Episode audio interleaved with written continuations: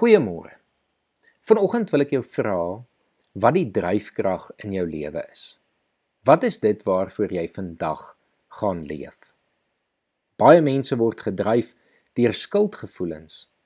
Mense wat deur spyt of skuldgevoelens oor dinge van die verlede hulle toekoms anders probeer inrig. Hulle herinneringe van die verlede manipuleer hulle toekoms. Ander weer word deur woede gedryf. Dit is mense wat kwaad is vir wat met hulle gebeur het of dalk besig is om te gebeur en hulle reageer dan daarop in woede. Dit is mense wat geleer het hulle moet vir alles in hierdie lewe beklei. Party mense word deur vrees gedryf. Mense wat bang is vir die dinge wat kan skeefloop, wat altyd alle risiko's analiseer en wat sukkel om net iets te kan geniet want vrees het hulle lewens oorgeneem. Meeste mense vandag word tot 'n mate deur materialisme gedryf. Die begeerte om iets te kan hê, om iets te kan besit of om iets te kan gaan doen. Dit is so 'n groot deel van ons samelewing dat elke mens tot 'n mate hierdeur gedryf of gemotiveer word. Ander weer word gedryf deur goedkeuring Hulle wil so graag net deur ander mense aanvaar word dat hulle hele lewe gedryf word om te doen wat ander sal behaag. People pleasers, soos die Engelse mense hulle sal noem. Niks hiervan is op sigself verkeerd nie. Inteendeel, in elke mens sal daar eers 'n tyd wees wat een van hierdie dryfkragte in ons lewens 'n rol speel.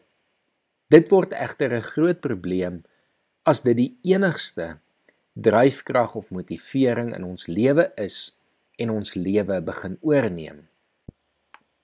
Daarom is dit so lekker om te kan ontdek dat God se wil vir ons lewe is nie in die eerste plek om iets te doen of om iets te bereik nie, maar om net te wees.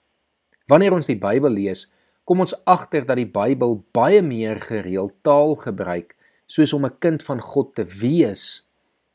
Ons is in die eerste plek geroep om te wees en dan te gaan doen.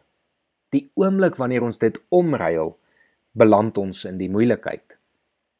Geniet vandag deur te weet wat gedoen moes word, het Christus reeds vir jou gedoen.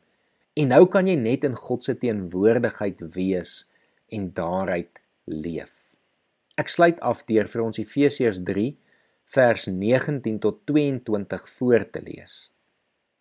Julle is dus nie meer ver van God af nie, nie bywoners nie, maar medeburgers van die gelowiges en lede van die huisgesin van God. Julle is 'n gebou wat opgerig is op die fondament van die apostels en die profete, 'n gebou waarvan Christus Jesus self die hoeksteen is. In hom sluit die hele gebou saam en verhuis dit tot 'n heilige tempel vir die Here, in wie julle ook saam opgebou word as 'n geestelike huis waarin God woon. Mag jy vandag as lid van die huisgesin van God gaan leef. Mag dit jou motivering wees, mag dit jou dryfveer wees om dan te weet dat alles al reeds gedoen is wat gedoen moes wees en jy kan vandag net daaruit leef. Kom ons bid saam. Here, dankie dat U ons deel gemaak het van U huisgesin.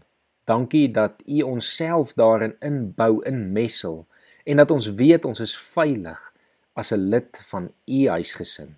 Here, mag ons dan leef as kinders van God, nie op sigself om iets te gaan doen of iets te bereik nie, maar om te kan wees in hierdie wêreld en om uit daardie identiteit ons hele lewe te kan inrig. Ons bid dit in Jesus se naam alleen. Amen.